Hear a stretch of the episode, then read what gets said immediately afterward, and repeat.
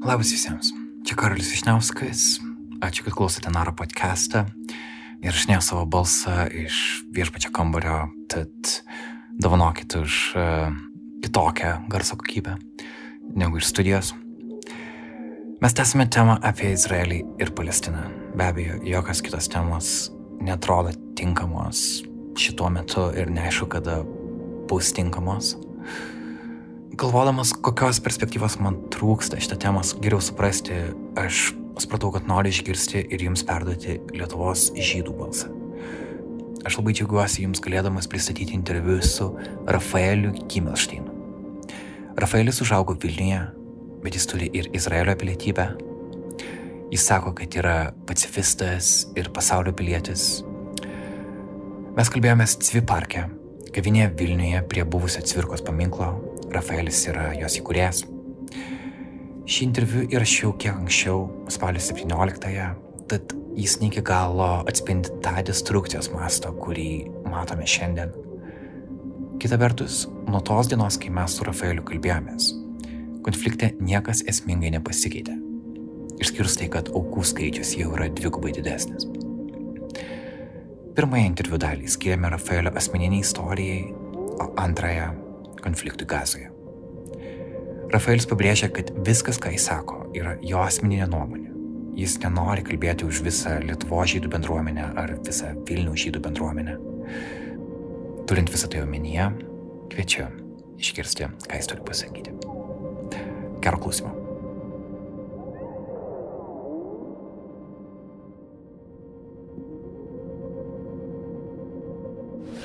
Ok, tai viskas įsirašinėjau, jo? E, jo. Ok, tai. Okay.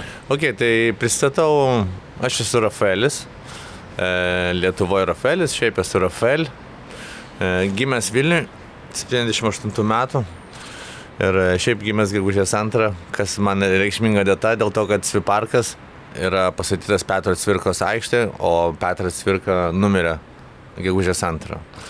Tai įdomiai išėjo susiklosti mano gimimo data. O pirmą gegužės yra darbo, darbininkų diena.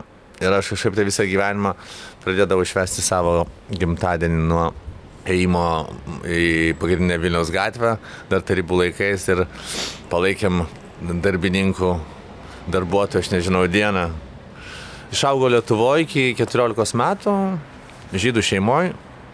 Mamos pusė yra Litvakai, tėvo pusė yra pagrindė iš Odesos, antro pasaulinio metų laikų persikėlė į Lietuvą. Lietuvoje e, mokiausi e, lietuvių darželį, e, užaugau tokioje gatvėje, vadinasi Černo, dabar ne Skulėnų gatvė. E, rajonas buvo labai pagal mano standartus nekoks. Tai išaugau žydas, vienas iš vienintelių žydų lietuvių mokykloje tais laikais. Mama labai norėjo, kad aš būčiau Lietuvos pilietis, kaip sakant, ir mokėčiau lietuvių kalbą. Nors daug, daug visko turim ir pliusų ir minusų su Lietuvos bendruomenė išgyvenimo antro pasaulinio karo atžvilgiu, bet turėjom tokią stiprią draugystė su lietuvių, lietuvių tauta ir savigarba, kad gyvenant Lietuvoje reikėjo mokėti lietuvių kalbą. Ir tai nebuvo diskutuojama, nors iš tėvo pusės e, daug atvažiavusių giminaičių žydų, aišku, turėjo tendenciją eiti rusų mokyklos dėl to, kad jos buvo mažiau antisemitinės, e, ten buvo daugiau multikultūrinės bendruomenės ir, ir žydams buvo šiaip saugiau ir šiaip lietuvių žydų beveik jau nebuvo likę. Tai žydai, kurie buvo Lietuvoje, dauguma kalbėjo e, rusiškai, dėl to, kad buvo atvažiavę iš Ukrainos, iš Rusijos, iš Baltarusijos daug buvo atvažiavę. 92 metai mes persikeliam su visa šeima į Izraelį. Izraelį iš karto nuėjau studijuoti vietiniai e, žydų izraeliečių mokykloje. Hebrajų kalba tapo mano pirma, nors nebuvo pirma, bet aš nu, turėjau eiti kiekvieną dieną ir draugauti, bendrauti su izraeliečiais. Buvo labai didelė imigracija tais laikais, buvo labai daug imigrantų iš visų Tarybų sąjungos respublikų, tai rusų kalba buvo irgi labai aktyvi. Tai net iš, ištobulinau ją, skaitom taip, e, Izraelį neįsitobulino, dėl to, kad buvo labai daug rusakalbių. Baigiau 12 klasę Izraelį, hebrajiškai, normalioj izraeliečių mokykloje ir tada per, per prievartą, dėl to, kad nenorėjau eiti, bet pagal įstatymą turėjau eiti trim metams tarnauti Izraelio armijoje kurioje mačiau daug e, visko, bet e, aš nesidaviau agitavimui e, ir pasirinkau e, kariauti už nekariavimą armijoje ir laimėjau, kad tapau nekaringų karių, kuris e, iš pradžių prasidėjo nuo logistikos, o po to baigėsi statybom. Tai aš mokiausi, kaip statyti armiją. Nu, trumpai pasakius, nebuvau tipiškas kareivis, kuris įsivaizduoja žmonės, kada galvoja apie Izraelio armiją, kuris su šautuvu eina šaudyti arabus. Dar kas, kad nuo keturių metų įstojau dvariono moky, muzikos mokykloje Lietuvoje, baigiau dešimt metų su smuiku, e, mokiausi smuiku, pieninų, turėjom arfą namuose ir e, nuo, nuo, nuo na, gal 16 metų pradėjau didžiauti. O taip pat ir užsiminėjau sportų nuo vaikystės, tai buvo mano būdas nebūti kieme veltui, tai lankiau stalo tenisą, futbolą, krepšinį.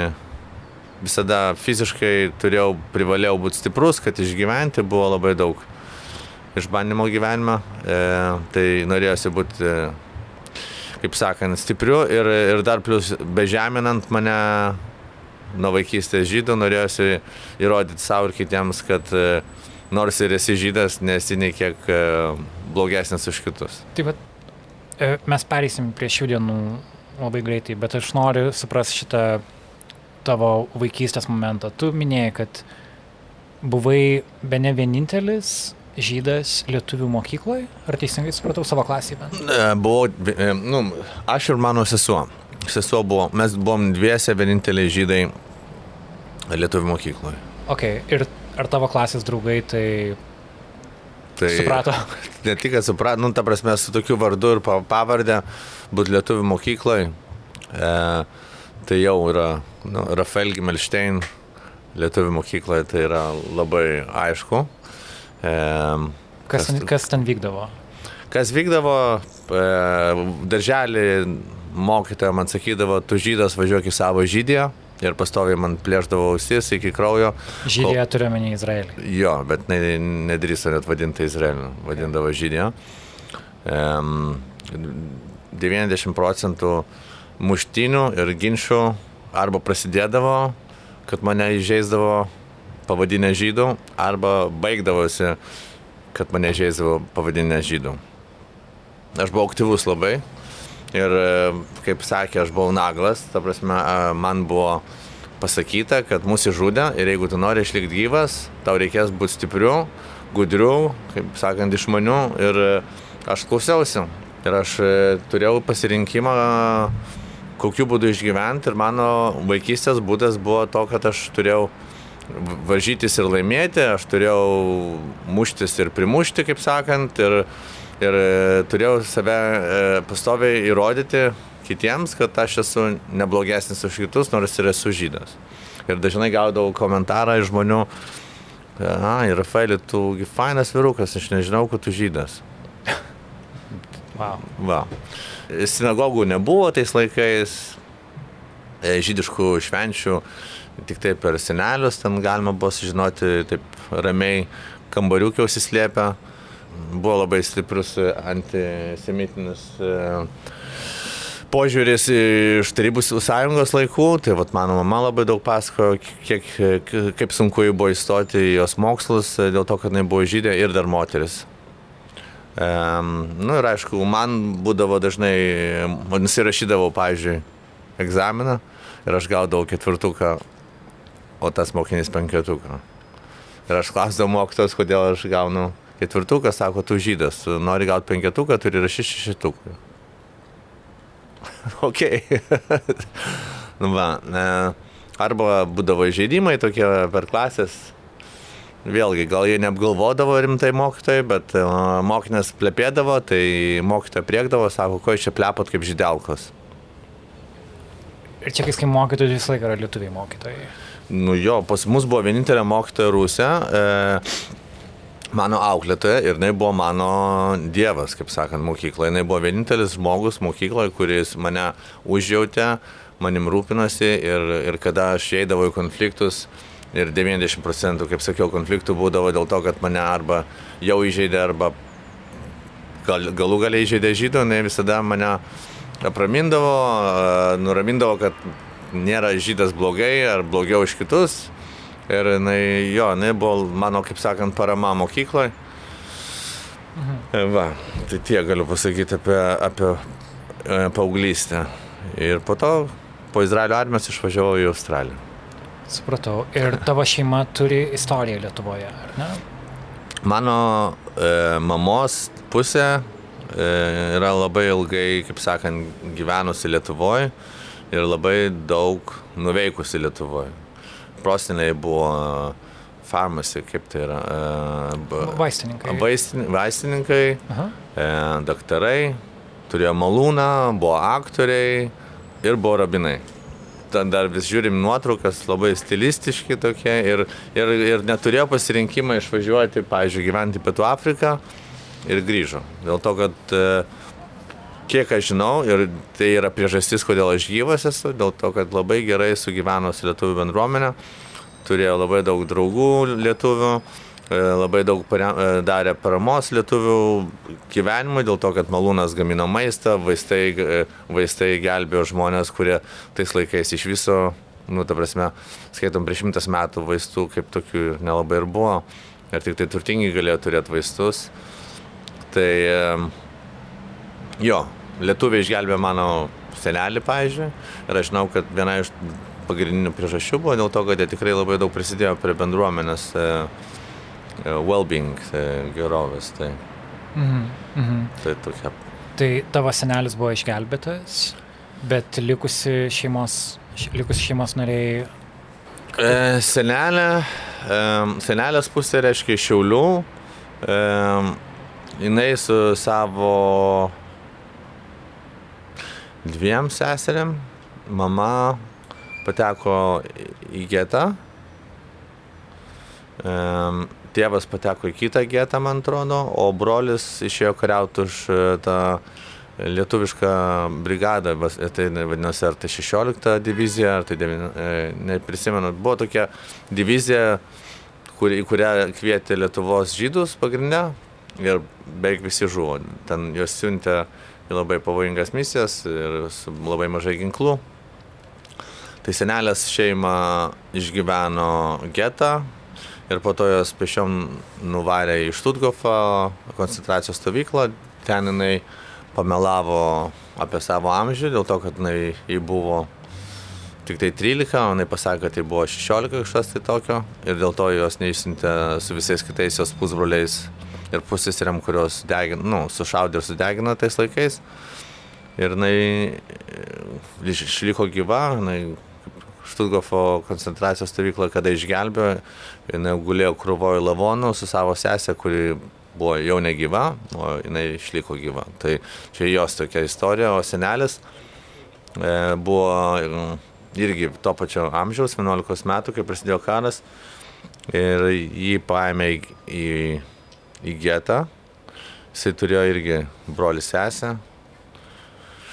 Jo mama, jo mama buvo daktarė, važiavo kaip tik juos pasimti, ją sušaudė Lietuvos baltaraišiai.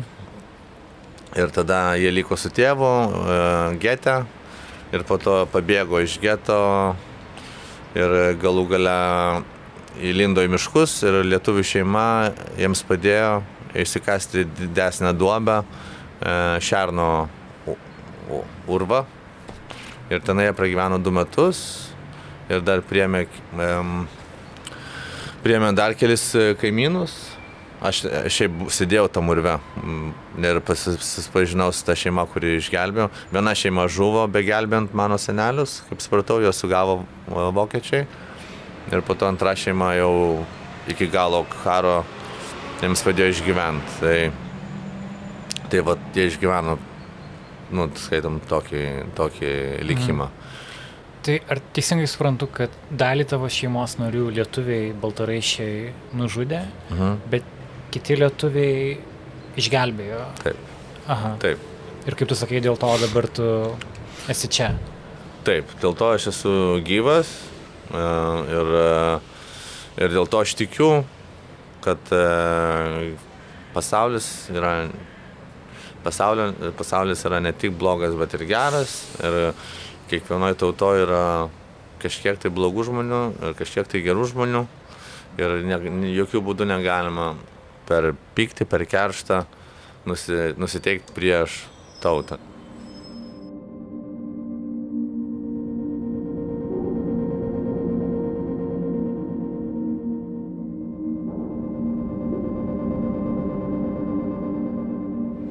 Tai 14 metų tu su šeima persikėlėte į Izraelį. Jo. Kaip tu matei Izraelį tada? Mm. Tokio paauglio akimis. Nu, man, man tai buvo absoliučiai neginčiama vienintelė vieta, kur aš žinojau, e, kad mane priims kaip e, savo. Aš buvau Amerikoje prieš tai, aš buvau užsienietis, nors ir buvau Makabiadoje, buvau bet kur Europoje, aš visą laiką... O, kur buvai? Aš buvau Makabiada. Makabiada tai yra žydų olimpiada tokiam stiliuje. Per Makabį varžybas e, aš važiavau į- 91 metais į, Ameriką už ne Tarybų sąjungos, bet jau tais laikais buvo e, CIS, tai Commonwealth of Independent States. Ir aš pamačiau Ameriką, e, pamačiau dvinius ir pamačiau žydų bendruomenę ir Brukliną ir viską. Nu, bet tai nebuvo mano namai tenai, tai buvo didelė šalis, bet aš, aš žinau, kad Izraelis yra mano namai. Apie kokius sportus užsiemi? Stalo tenisą. Stalo tenisą. Nu, stalo tenisas buvo pagal mano fizinius duomenis e, tinkamiausias sportas.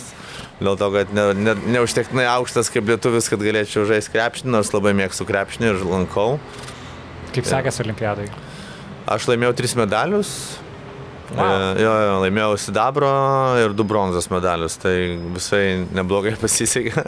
Ir e, likau ten ilgiau nei pla- planuota buvo. E, Ir šiaip buvo fantastika, tikrai buvo. Įsivaizduoju iš Vilnius vykti į New Yorką.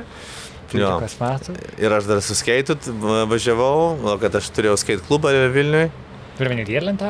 Riedlentė, jo. Wow, Tik okay. aš buvau nu, vienas iš pirmųjų Lietuvos riedlentininkų ir gaminau savo riedlentės Vilniui. Okay. Tai tiesiog skaitom, kad Vilniaus riedlentės gyvenimas prasidėjo nuo mano ir dar toksai laimis kiekštas toksai buvo.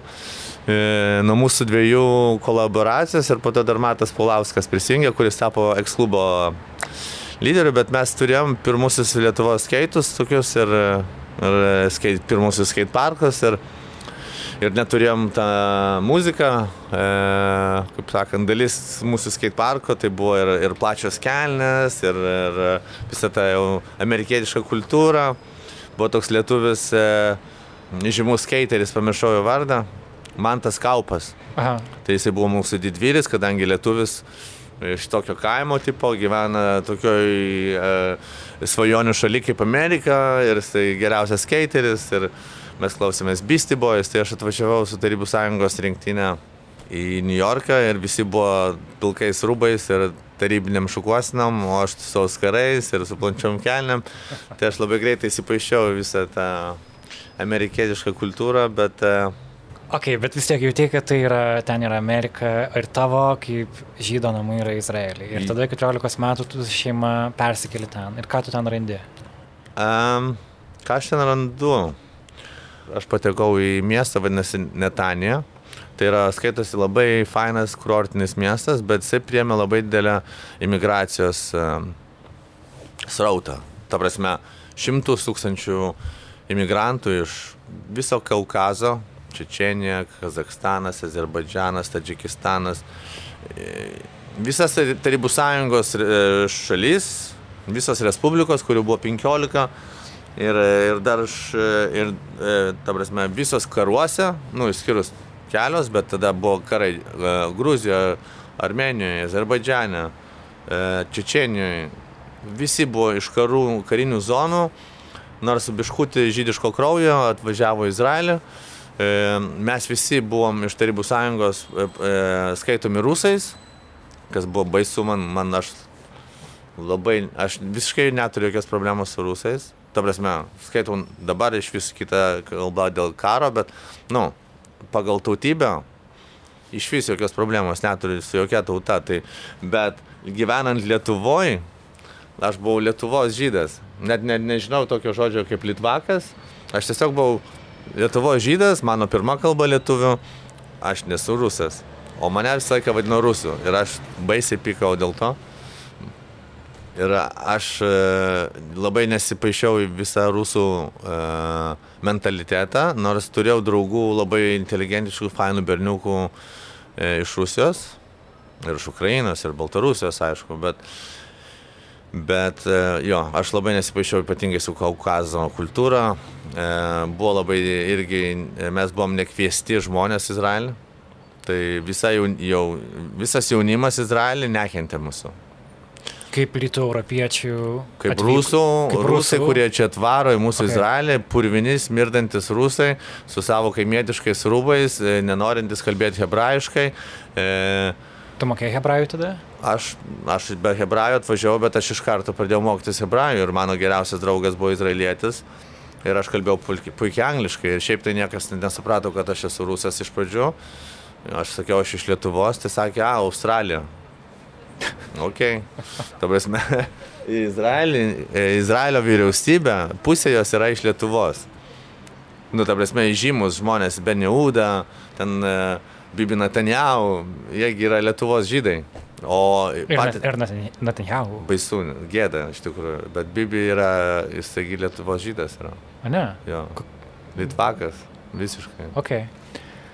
Ok, ir tada tu sulauki pilnametystės ir kaip ir kiekvienas na, netiesa, ne kiekvienas, bet kaip dauguma Izraelio vyrų ir moterų, tu turėjai į kariuomenę. Kaip tu prisimeni save tuo metu, ar tu norėjai? Labai ar... nenorėjau. Kodėl? A, muzikantas, didžėjus, sportininkas, e, mylėtojas, ne patriotas. Jau mano patriotizmas Izraeliui buvo e, nusileidęs gan žemai. Ta prasme, aš labai mylėjau savo draugus, aš labai mylėjau hebrajų kalbą. Aš nei kiek neišmokau daugiau apie žydišką kultūrą, išskyrus istorinių knygų. Aš išmokau net e, skaityti Torą, mokiausi apie žydų visokias, e, kaip sakant, protingas patarmes ir, ir visokius istorinius tokius, nu, apie ką izraeliečiai ar žydai gali labai didžiuotis, ten jų laimėjimus, karinius. Bet man, e, man tai ne, ne, ne, ne, nerezonavo su kaip aš matau gyvenimą, dėl to, kad aš ne, ne, nemačiau jokio noro prarasti savo gyvenimą, už kurį aš ir taip, taip stipriai kovoju, užsidėti bespalvius rūbus, tapti numeriu, ir, ir eiti kariauti prieš žmonės, kurie man personaliai nieko blogo nepadarė. Tai bet pasikalbėkime apie tuos žmonės. Kai, kai tu atvykai į Izraelį, ką tu girdėjai apie palestiniečius? Kas to buvo sakoma apie palestiniečius?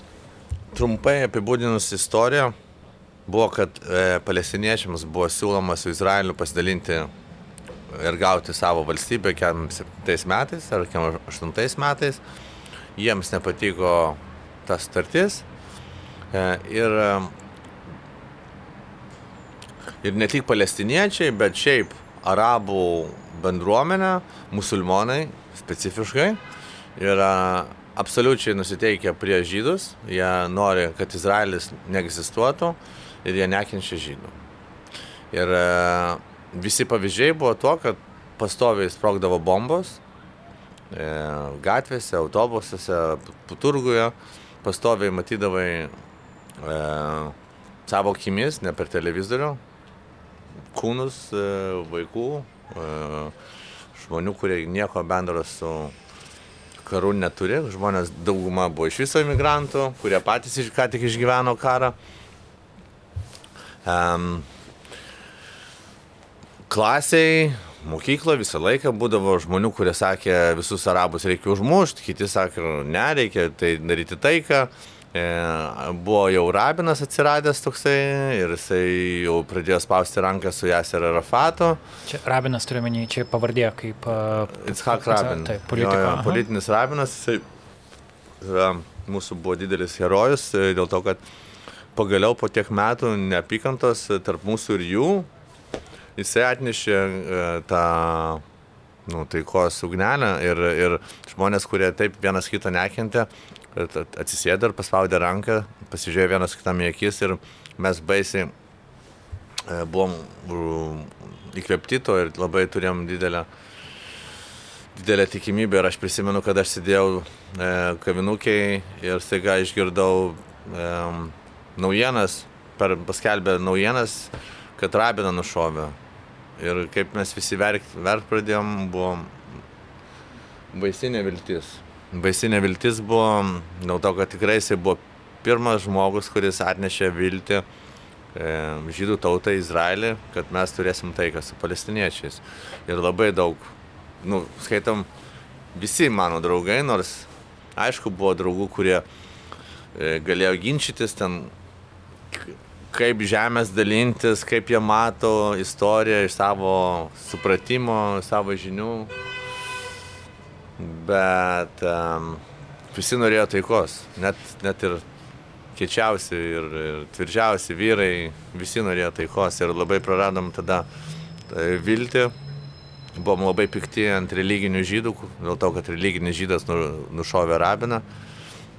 Mano buvo sloganas toksai, kad jeigu aš ką nors eisiu kariauti, aš eisiu kariauti ne prieš arabus, o prieš religinius žydus. Tie, kurie vat, elgesi taip e, ne, e, baisiai. O tuo metu ar tu apskritai buvai sutikęs palestiniečių ar kitų arabų, ar, ar, ar, ar įvyko kažkokie, nežinau, susidūrimai, mokytės kartu, ar, ar viskas, ką tu apie juos girdėjai, buvo per terorizmo prizmę? Iki armijos per terorizmą, po armijos nu taip, ta prasme, jūs matydavai juos e, dirbančius. Nes reikia priminti, kad Izraelija berots apie 2 milijonai žmonių yra vadinami Izraelio arabai, jo, Izraelio jo. piliečiai, tai jie, jie yra.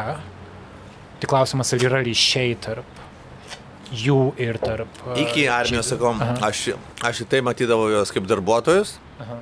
Pilna darbuotojų palestiniečių daro, kaip sakant, juodu, juodą darbą. Dauguma arba JAFO daug palestiniečių Jerusalime daug palestiniečių. Jerusalime jie visą laiką atrodė draugiški, tipo, tu įeidavo į jų kavinės, nusipirkdavo maisto, jie visą laiką gražiai su tavim kalbėdavosi. Jerusalimas buvo labai geras pavyzdys, kaip gražiai sugyvena žydai ir, ir palestiniečiai. E, tai čia toksai, bet ten jautėsi turizmo toksai biškutį vaibas. Tai dėl to nežinojai, nu, ta prasme, tiesiog gražiai su tavim elgėsi, kad nori tavo pinigus. Dėl to, kad, nu, čia buvo jiems biznis. Mhm. O kai baiginėjau armiją, aš pradėjau dirbti kavinukė ir tenai buvo ir šefas palestinietis, ir, nu, ten buvo darbuotojai palestiniečiai. Ir mes kalbėdavom daug pokalbių ir jie, ir jie man sakydavo, žinai, Rafaelis sako, mes daug maž gerai visi gyvenom, kartu, tipo, darydavom savo reikalus, niekas mums neknysdavo smegenų. Ir va, atėjo tas rabinas, ištraukė tą Arafatą, pradėjo mus, iš mūsų daryti kažkokį tai čia tipo taikos sutarimą, o iš tikrųjų tapo daug blogiau mums. Mes tapom labiau limituoti, kaip mes galim judėti, labiau pradėjo mus stebėti visus ir sako, iš tikrųjų tas taikos procesas tik tai sugadino mums e, gyvenimą. Negi taip. Nors tikslas buvo sukurti, jeigu aš gerai pamenu, čia kalbam apie Oslo susitarimus, ar jo. ne? Uh, buvo idėja sukurti dviejų dvi valstybės. Jo, jo, kaip ir turėjo būti. Nes palestiniečiai vis tiek, jie yra ir tarptautiniu, grinai teisiškai, jie yra okupuoti žmonės, Izraelio okupuoti žmonės. Um, tai kaip šitai veikia tarptų santykių, galios hierarchija? Aš vėlgi e, dėl tos okupacijos ir teisiškumo e, visą laiką turiu e, turiu e, atsakymą. Pirmoji dėl e, legalumo. Legalumas pasaulyje yra nefunkcionalus dėl to, kad visada primenu visiems, legalu buvo žudyti žydus ir dar vis legalu eiti į karą. Legalu pardavinėti ginklus. Turime Ir- legalų žudyti žydus pagal nacijų, Nu kaip, na, pagal nacijų įstatymus. Jo, jo. pagal, pagal lietuvių įstatymus. Lietuvoje buvo įstatymai, aš mačiau pats tos įstatymus ant raštų parašytos e, policijos viršininkų, ministrų. Tai a, ne, e, yra mirties bausmės už žolės rūkimą, yra legalu apmėtyti moterį su akmenimis ant galvos. Ta prasme, man legalumas yra labai mažai, maža vertis, kaip žydui išgyvenusiam savo experienciją gyvenimo ir aš tikrai nenorėčiau pasakyti, kad per legalumą mes suprantam moralę. O toliau yra visas tas e, procesas, tipo, e, daug žydų legaliai pasiteisina, kad jie išpirko tą žemės. Kas, jeigu mes einam į legalumą, tai žydai legaliai išpirko žemės. Bet iš ko tu perki žemę? Iš Dievo? Ar iš kito okupanto? Tai dėl to legalumas nėra pats vertingiausias būdas įvertinti situaciją.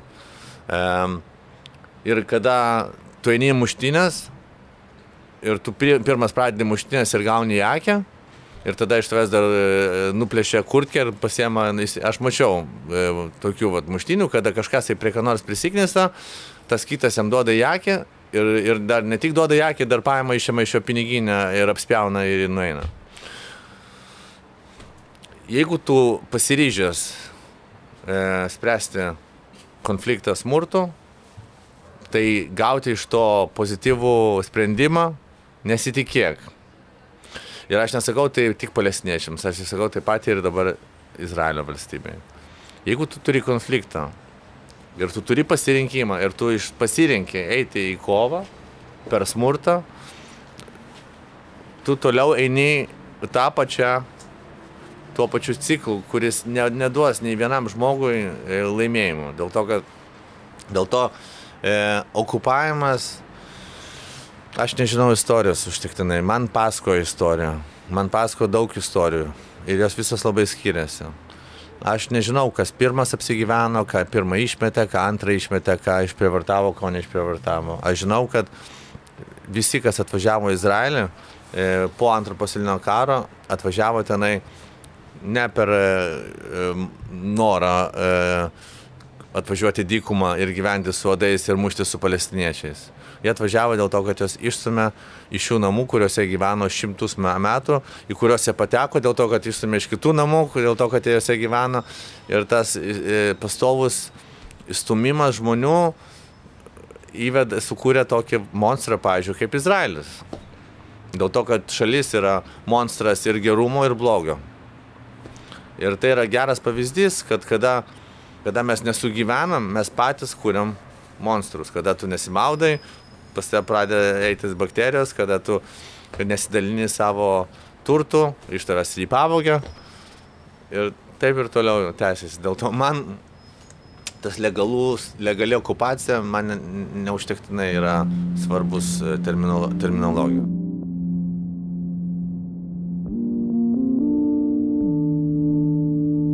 Šioje vietoje verta pridėti, kad tiek vakarų krantas, tiek rytų Jeruzalė tarptautinės bendruomenės laikomos okupuotomis teritorijomis.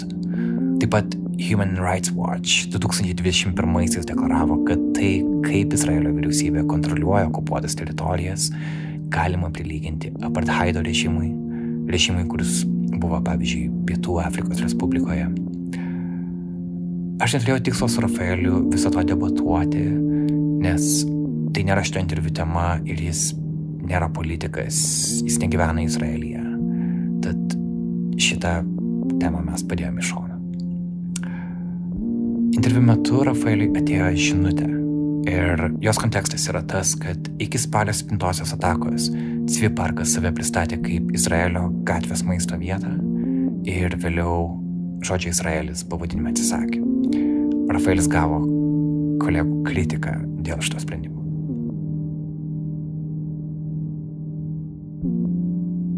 Gavau tokią nusivylusią žinutę, kad e, išėmiau į Izraelio gatvės maistą iš aprašymo, dėl to, kad e, bijau, kad bus pogromas ir kad, e, kad užpuls mūsų kavinę vien dėl to, kad e, kaip mes aprašėm, tai Ai, nes, apsisaugoti, apsisaugot vietą. nes Civi parkas būdavo pristatyta kaip Jo, Izraelio mes turėjom viską izra, izra, izraelišką, bet aš pagalvojau, kad, e, kad, em, kad tiesiog per daug pavojinga turėti Okay. šiuo momentu. Okay. Ir čia be nėra jokių Izraelio vėliavų, matau. Čia nėra izraelio vėliavų, em, dėl to, kad vėlgi aš e, netikiu patriotizmu, E, aš jaučiu, kad problema yra tokia gili dabar, kad, e, kad, em, kad dabar patriotizmas yra labai skausminga, e, skausmingas, smo- skausmingas e, būdas e, kitiems išreikšti savo meilę ir norą turėti namus kaip žydai, pavyzdžiui. Dėl to, kad šiuo momentu aš nepalaikau Izraelio vyriausybės veiksmų ir aš e, iš viso norėčiau, kad pasaulis būtų be sienų. Ir kaip žydas aš um, ne, nepalaikau, um, nepalaikau to proceso, kuriame mes esam, e, kur, nors negaliu, i- nu, kaip sakant, iš jo išeiti į savo ideologinę, e, jo. Aš suprantu, kad e, kada, kaip ir aš, kada atvažiavau į Izraelį, būdamas žydas pažydus atvažiavau, net patys žydai mane ne, nejaukiai priėmė. Nu, ne visi. Vėlgi, sakau, buvo labai labai fainų žmonių, kurie mane priėmė, atvedė namo, welcome, tipo, viskas. Bet kaip visuomenė, bendruomenė didelė, mes buvom e, iš karto hierarchiškai nuleisti į apačią, e, kaip, nu, šitie rusai, nu, e, ir, ir aš įsivaizduoju, kad taip pat, kada žydai atvažiavo į Izraelį po antro pasaulinio karo, palestiniečiai turėjo tikriausiai daugumoj tokį pat vaibą, kad tipo, ko jūs čia važiuojate į mūsų šalį. E, ir aš manau, kad kada atvažiuoja žmogus, iš kurio atėmė viską ir tu jo nepriemi šiltai, jisai tiesiog pasidarys, ką jam reikia, kad, kad jam būtų saugu. Reiškia, aš vėlgi nebuvau tais laikais, bet aš suprantu, kad abi dvi pusės turėjo galimybę vienas kitą pagarbiai priimti ir draugauti ir kolaboruoti. Ir tikrai yra žmonių, kurie tai daro. Ir daro tai labai sėkmingai, bet dauguma žmonių yra vedami baimės, kaip ir aš, vat, dėl baimės, dėl saugumo išėmiau Izraelio iš tą patį. Tai mane dabar gali vadinti bailiu, gali mane vadinti, kad aš nepalaikau Izraelio. Kiekvienas gali suprasti, suvokti mano elgesį, bet aš per baimę ir saugum, no- norą saugumą išlaikyti šitai erdvėjai, kada vyksta šitas vat, visas keistas procesas, kada siuntinėja bombas ir nori nužudyti žydus vien dėl to, kad jie žydai.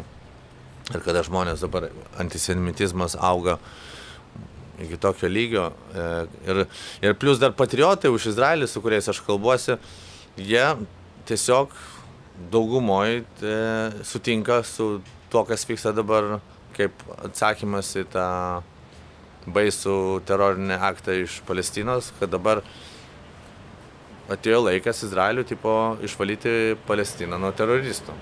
Mm.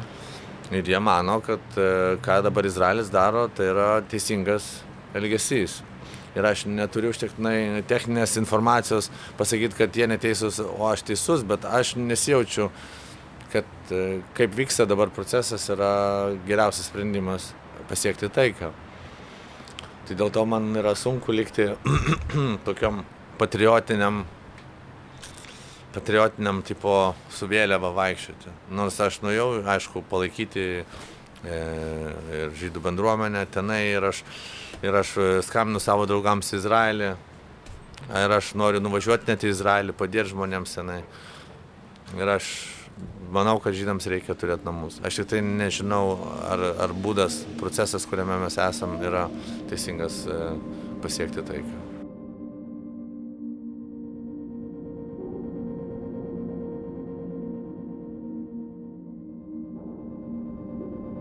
Kai spalio 7 šeštadienį išgirdai naujienas, prisimeni, kaip, e, kur buvai, kai perskaitai, kad uh, įvyko Hamas ataka?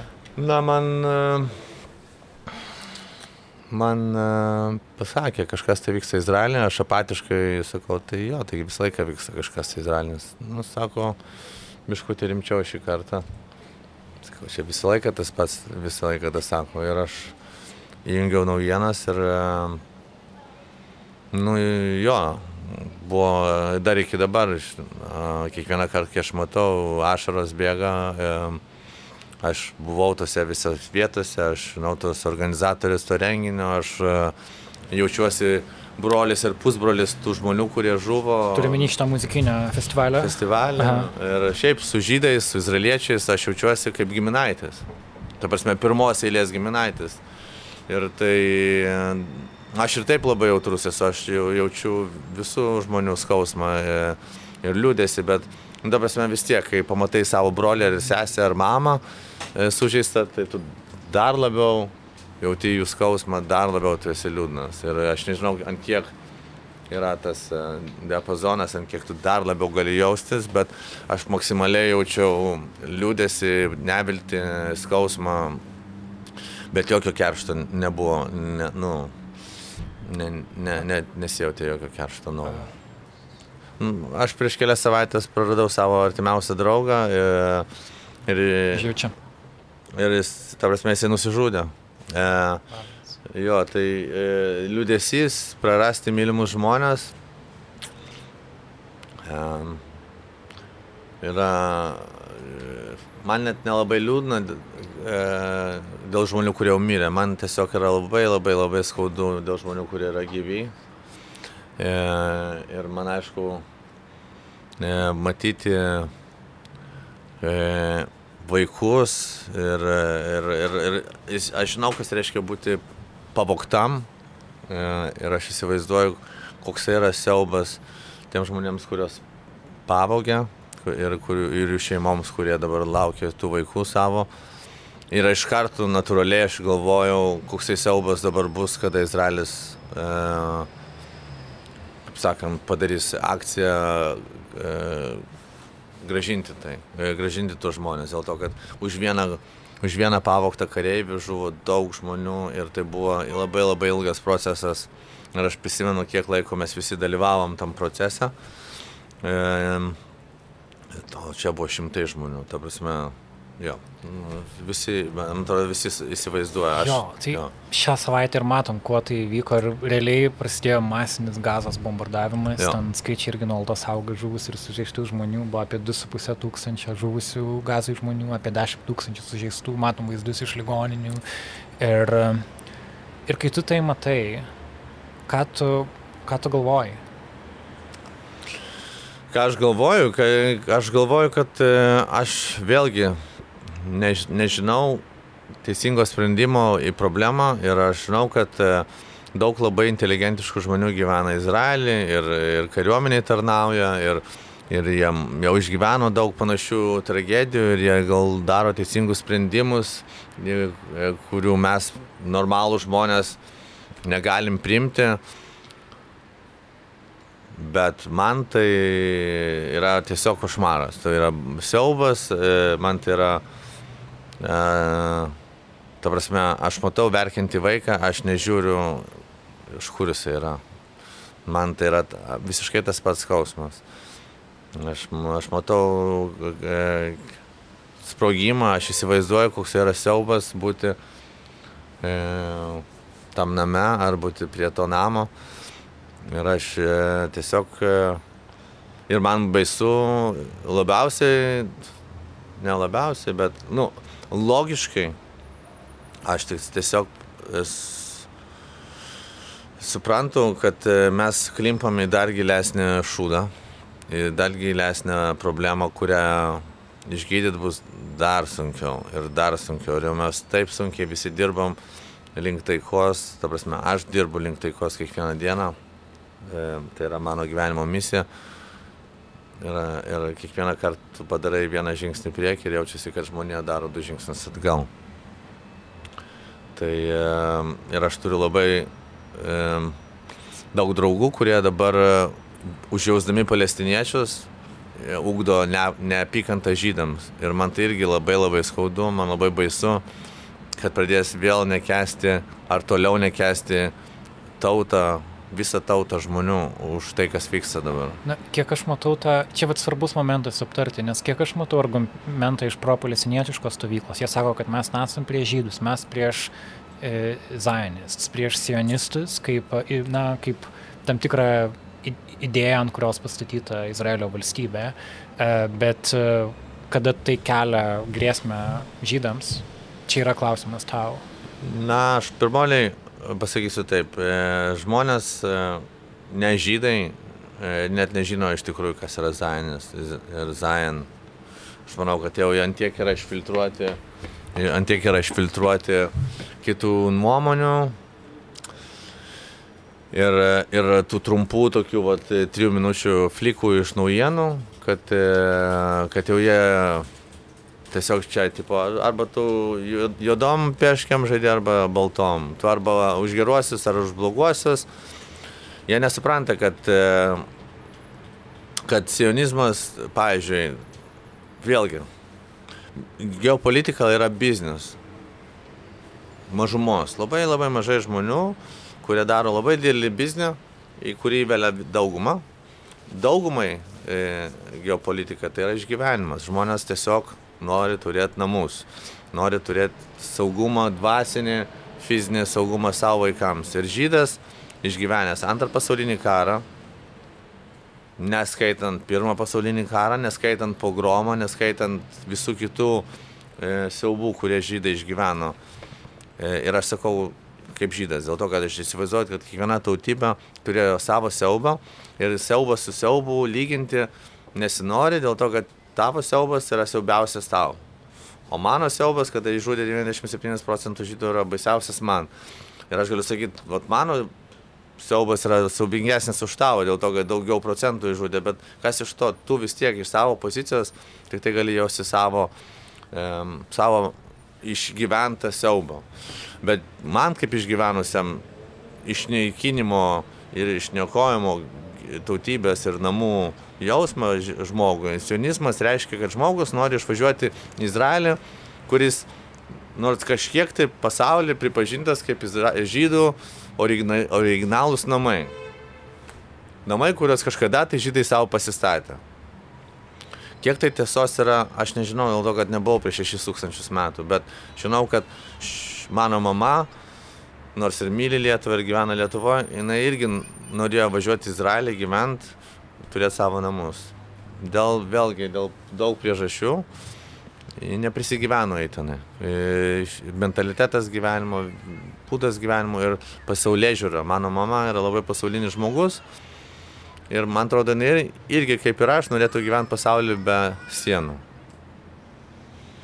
E, bet Ne, aš stebiu komentarus ir Izraelis yra žydai, o ne Izrael, Izraelis. Pavyzdžiui, Amerika, kaip tu galėtum pasakyti amerikiečiai?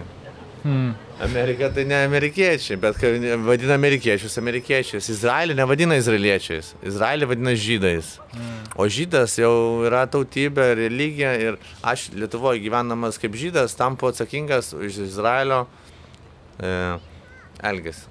Ir, ir kada žmonės e, pastoviai, ypatingai žmonės, kurie neturi jokio supratimo apie istoriją ar apie First, jie nebuvo nei Palestino, nei Izraelė, arba gal buvo nuvažiavę į Tel Avivą pasitusinti klube, bet šiaip jie nežino, kaip santykiai tarp e, žydų pačių gyvenančių Izraelį ir palestiniečių ugdėsi.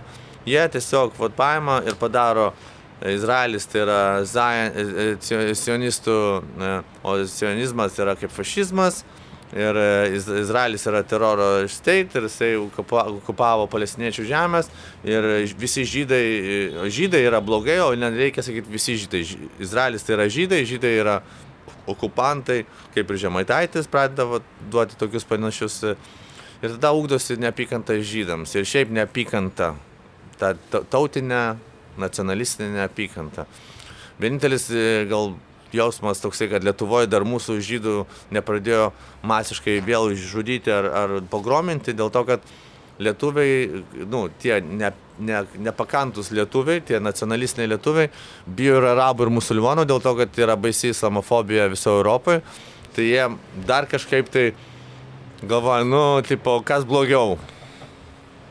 Aš, aš irgi vat, stebėjau, kad Lietuvoje yra masinis palaikymas Izraeliui. Tikrai turbūt niekada tokio didelio nemačiau. Ir aš galvoju, ar tai yra iš empatijos žydų aukoms spalio 7-ąją, ar tai vis dėlto yra musulmonų baimė. Ir, ir, ir aš nežinau, kur atsakyti. Aš manau, kad pirma, pirma, pirma banga užuojautos, kuri buvo baisiai didžiulė, dėl to, kad buvo didžiulis teroristinis aktas, tai buvo aukom. Ir, ir antra auka, antra banga palaikymo buvo biškutį spaudimas, net ir va dabar, kaip aš gavau biškutį tokį spaudimą iš, iš Izraelio e, nu, žmonių, kurie išgyveno tas, tą, tą siaubą pirmos bangos, nepasiduoti dabar ir likti tvirtais ir pasitikėti, kad Izraelis dabar turi padaryti teisingai, kad kad ateis trečia banga, kad jau nebūtų tos e, pirmos bangos, e, kad vis dėlto e, musulmonų ekstremizmas yra pats pavojingiausias dabar pasaulyje ir kad Izraelis, bet aš manau, kad jau antra banga, jau antra banga išeina iki tokio lygio, kad daug žmonių jau mato, kad, kad, kad ta prasme, kad dabar mes padarėm 1400 žuvusių žmonių tragedija, jau 4000 žuvusių žmonių tragedija. Ir visi mes esame žmonės. Ar tu turi Izraelio pasą? Nu, taip. Aha. Tai kai, tos, kai, kai matai tuos vaizdus iš gazos, tai yra daroma iš dalies ir tavo kaip Izraelio piliečio, ar tavo vyriausybė tai daro. Jo. Ar tu jauti kažkokią nežinau, atsakomybė geras žodis, bet tiesiog, kad kažką reikia daryti dėl to, nes tai ir eina iš dalies ir tavo vardu. Aš esu, aš, kadangi aš esu pasaulio žmogus, aš turiu atsakomybę už visą pasaulį. Ir visur, kur aš esu, aš turiu atsakomybę už, už, už savo aplinką. Aš negaliu, aš aišku, galėčiau būti dar geresnių pasaulio piliečių ir dabar mesti viską važiuoti į Izraelį ir eiti į gatvės kovoti prieš Izraelio vyriausybę. Aš esu prieš Izraelio vyriausybę, kuri, kuri, kuri yra dabar išrinkta. Aš ne, nežinau, ar aš dalyvau rinkimuose, aš nemanau, kad aš dalyvau rinkimuose. Tai va, dar viena klaida, kurią padariau, bet aš nežinau, ar tai padėtų. Dėl to, kad tai yra koalicija. Atsakomybę už Izraelio veiksmus aš jaučiu. E, aišku, kad jaučiu, man gėda, e, man baisu e, ir tuo pačiu man labai gaila izraeliečių, man labai labai gaila izraeliečių, kurie ir išgyveno tą siaubą pirmą first hand, tipo, tų žmonių, kurie žuvo, kurios pavogė jų šeimas, jų draugų, bet man ir labai gaila visų žmonių, kitų izraeliečių, kurie labai labai labai ilgą laiką tikisi ir nori turėti taiką ir niekaip nesugeba perimti kad buvom, turėjom labai gerų premjerministrų Izraelį, kurie labai stiprėjo link taikos. E, tai vieną nužudė, kitą išmetė. Ta prasme, e, labai sunku Izraelį gauti daugumą, šiaip pasaulyje daugumą žmonių, kurie nori taikos. Ačiū tau, Rafaeliai. Ir e, aš įsivaizduoju, kad net šita pozicija, kurią tu dabar išsakai viešai, kas atrodytų yra pakankamai na, mo, kaip sako angliškai, moderate, ar ne tokia e, kažkur bandymas atjausti skirtingas pusės ir kažkokį žmogiškumą rasti, kad netgi tai yra gan drąsu turbūt dabartiniam fone, ar ne, kur tu esi skatinamas, atrodo, už, užsimti poziciją ir joje būti. Aš noriu, kad suras, surasti žodžią apibūdinti dabartinį laiką. Jis yra, jis yra, jis yra kažkoks kitoks. Mm. Aš e, nežinau, aš, tik, aš niekad gyvenime negyvenau taikos būsenoje, e, ta prasme, taikingam pasaulyje. Ir aš niekada negyven, gyvenime ne, nebuvau aplinkoje, kur e, žmonės e, jaučia ir sako, ką jaučia, masto, ką apmasto, ką jaučia, sako, ką masto ir ką jaučia, kada yra nuoširdumas ir kada yra užtektinai drąsos E, žengti žingsnį į priekį ir parodyti savo stiprybę per drąsą ir pasitikėjimą. Ir aišku, kad tavo tą drąsą ir pasitikėjimą visą laiką kažkas tai bando uh, nupjauti, sužlugdyti ir tau reikia neprarasti uh, hope, uh, vilties ir, ir, ir, ir išsakyti savo jausmus. Uh, ir komunikuoti, mokytis komunikuoti, mokytis komunikuoti, mokytis jausti, net ir piktis yra labai svarbus jausmas, bet elgtis reikia ne per pyktį, o per meilę ir, ir, ir, ir tobulinti pasaulį per save. E, dėl to, kad e, niekas už, nu, mes esame, visas pasaulis tai esi tu, mes kiekvienas žmogus esame visata. Ir jeigu mes norim pasiekti gerovės, mums reikia tobulinti save ir mums reikia tobulinti komunikaciją, tobulinti bendro, ben, bendruomeniškumą ir suprasti, kad mes negalim išgyventi vienas be kito. Ir jo, aš kaip žydų bendruomenės narys e, dar kartą išreiš, išreiškiu labai, labai, labai didelį skausmą e, visi, visom aukom. Aišku, kad pradedant nuo e, tų aukų, kurios žuvo tam teroriniam, bet pradžia to, tos užuojautos, nu, Jeigu aš jau einu savaitę atgal, tai aš galiu eiti ir šimtas metų atgal, ir tūkstantis metų. Aš išaiškiau užuojautą visom aukom. Išaiškiau užuojautą ir aukom, kurios dar gyvos, ir kurie jau numirė, ir jų šeimom. Ir tiems žmonėms, kuriems reikia daryti tos baisius sprendimus, ir tiems e, kareiviams, kuriems e, arba išplovė galvą taip, arba jie tiesiog privalo eiti ir kariauti, ir jų tėvams, kurie laukia tų kareivių. Ir aš užjaučiu siaubingai tos palestiniečius, kurie ir neapkenčia mūsų. Man gaila žmonių, kurie gyvena neapykantoje. Tas ne, neapykanta ir piktis ateina per skausmą. Ir aš tikrai, tikrai tikiu, kad jeigu jie gyventų neskausme, jie nebūtų tokie nekenčiantis. Ir aš e, labai labai norėčiau e, visų savo gyvumu ir visom savo žiniom ir meilę paskleisti energiją nuo čia, kur aš sėdžiu, nuo Cviparko žydų bendruomenę už gatvės, e, savo draugams jordaniečiams kitoj gatvės pusėje, visiems palestiniečiams, savo draugams ir savo priešams, kad eitume link taikos ir nuleistume keršto tą būseną į žemę, kaip sakant, ground yourself, palies žemę, su ranka pamatyk, kad per kerštą mes tikrai niekada nelaimėsim taikos.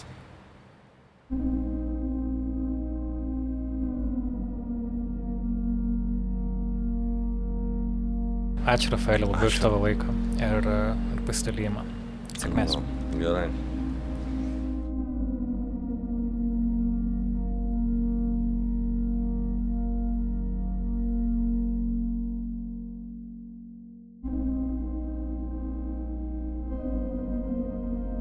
Toks mūsų epizodas šiandien. Ačiū, kad buvote kartu. Girdėjote interviu su Rafaeliu Gimelšteinu, kavinės Cvi parkas Vilniuje įkūrėjų. Su juo kalbėjausi aš Karolis Višniauskas. Rafaelio portretus pamatykite Nara LT ir mūsų Instagrame. Jų autorė yra Berta Tilmantaitė. Muzika, kurią girdite, ją parašė kompozitorius Martinas Gailius. Naro žurnalistiką visada galite palaikyti ir labai kviečiame tai daryti platformoje Contribui Mūsų adresas ten yra contribui.com/nara. Ačiū naujausiams bendruomenės ten nariams - Linai Matužytei, Justinui Dudenui, Egliai, Aušrai, Renatai Kuolytei, Gedriui Alasevičiui ir Dainiui Daubarui. Dar kartą adresas prisijungti contribui.com/nara. Šis interviu yra projekto Perspectives dalis. Projektas Perspectives iš dalies finansuojamas ES. Ačiū visiems, kurie klauso Naro podcastą. Kviečiu pasidalinti epizodai su tais, kuriems jis gali būti įdomus. Iki susitikimo kitą kartą.